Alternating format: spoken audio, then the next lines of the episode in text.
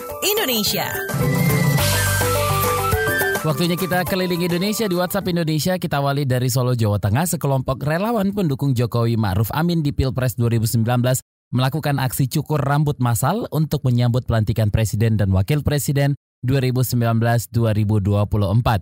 Joko Widodo Ma'ruf Amin. Selengkapnya bersama kontributor KBR Yuda Satriawan. Selamat pagi. Selamat pagi. Alat cukur elektrik terus menggerus lebatnya rambut sekelompok warga relawan pendukung Jokowi Ma'ruf Amin di pemilu presiden 2019.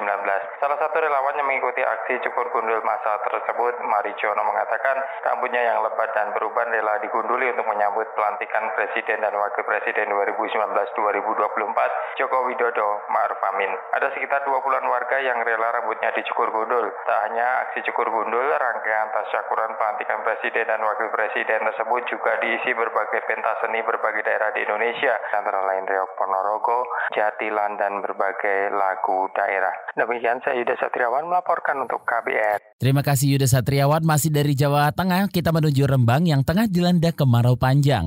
Kesulitan air cukup parah menjadi perhatian Kementerian Sosial. Seperti apa?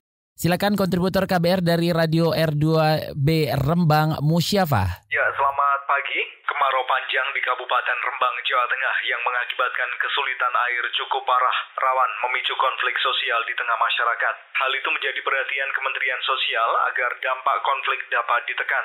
Salah satunya melalui program keserasian sosial yang diwujudkan dengan bantuan langsung pembuatan sumur dan tandon air. Program ini berlangsung di Desa Meteseh, Kecamatan Kaliori, Rembang. Tokoh warga desa setempat, Eko Hadi, mengakui air bersih menjadi kebutuhan vital karena di kampung kampungnya hanya terdapat satu tandon air sehingga sebagian warga kerap berebut. Kondisi ini bisa memicu ketegangan.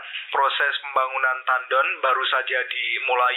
Nantinya kalau sudah jadi akan bermanfaat untuk menyuplai air 40 rumah kepala keluarga. Kali ini total anggaran yang digelontorkan oleh Kementerian Sosial mencapai 150 juta rupiah. Musyafa R2B Rembang melaporkan untuk KBR. Terima kasih Musyafa. Terakhir kita ke Lok Sumawe Aceh di mana ribuan nelayan di pusat pen Pendaratan Ikan atau PPI Lok Pusong terpaksa tak melaut akibat kelangkaan bahan bakar minyak atau BBM jenis solar. Selengkapnya silakan kontributor KBR Erwin Jalaluddin. Selamat pagi. Selamat pagi ya. Ribuan nelayan di kota Losmawe itu menganggur akibat langka solar dalam sebulan terakhir ini. Bahkan mereka itu terlihat hanya sibuk membersihkan maupun memperbaiki kerusakan bot maupun jaring-jaring yang sudah robek karena tidak bisa berbuat apa-apa lagi. Artinya mereka sudah sebulan ini itu mereka kehilangan sumber mata pencarian. Mereka juga berharap pemerintah daerah bisa turun tangan untuk mengatasi kelangkaan dari minyak BBM jenis solar yang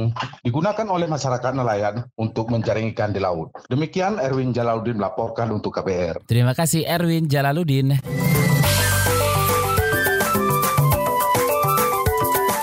WhatsApp Indonesia.